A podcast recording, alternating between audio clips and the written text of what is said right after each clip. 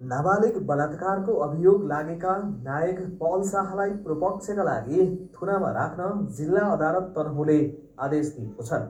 जिल्ला अदालत तनहुले तत्काल प्राप्त प्रमाणका आधारमा पल शाहले नाबालिगलाई फकाएर जबरजस्ती करणी गरेको होइन भन्न नसकिने आदेश दिँदा पाँच आधार टेकेको छ।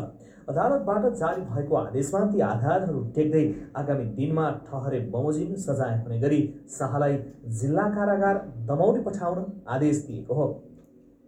आदेशपत्रमा उल्लेख गरिएको आधारहरू निम्न प्रकारका छन्। एक शाहले पीडितलाई जबरजस्ती करणी गरेको कुरामा इन्कार गरे पनि निजले मौकामा गरेको बयान हेर्दा राति करिब बाह्र बजेतिर पीडितलाई म्यासेज गरी साथीहरूसँग खाइ बाँकी रहेको बियर लिएर पीडितको कोठामा प्रवेश गरेको तथ्यलाई प्रतिवादीले स्वीकार गरेको पाइयो। दुई एक्लै सुतेकी बालिकाको कोठामा राति बाह्र बजे प्रवेश गर्नुपर्ने कुनै औचित्यता प्रतिवादीले देखाउन सकेको पाइएन।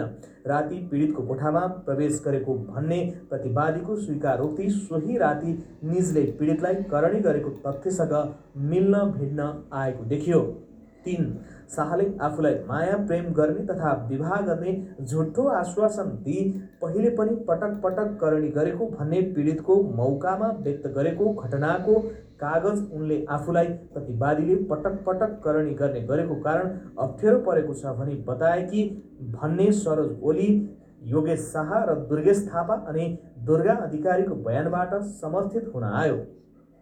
चार शाह पीडित नाबालिग हुन् भन्ने जानकारी रहेको उनी बत्तिस वर्षका वयस्क व्यक्ति हुन्। प्रतिवादीले बोयफ्रेन्ड गर्लफ्रेन्ड बिच सम्बन्ध हुनु नर्मल हो प्रेग्नेन्ट भएको खण्डमा मात्र निजलाई स्वीकार गर्ने कुरा आउँछ भने छलफलको क्रममा भनेको अडियो रेकर्डको विश्लेषण गर्दा शाहले करणी गरेको थप पुष्ट्याइ हुन आयो। पाँच घटना विवरण कागज लगायतका तत्काल प्राप्त प्रमाणका आधारमा विश्लेषण गर्दा शाहले नाबालिगलाई ललाई फकाई विवाह गर्छु भनेर करणी गरेको देखिन आएकोले पछि प्रमाण बुझ्दै जाँदा ठहरे बमोजिम हुने गरी हाललाई थुनामा राख्न कारागार कार्यालय दमौली पठाउनु।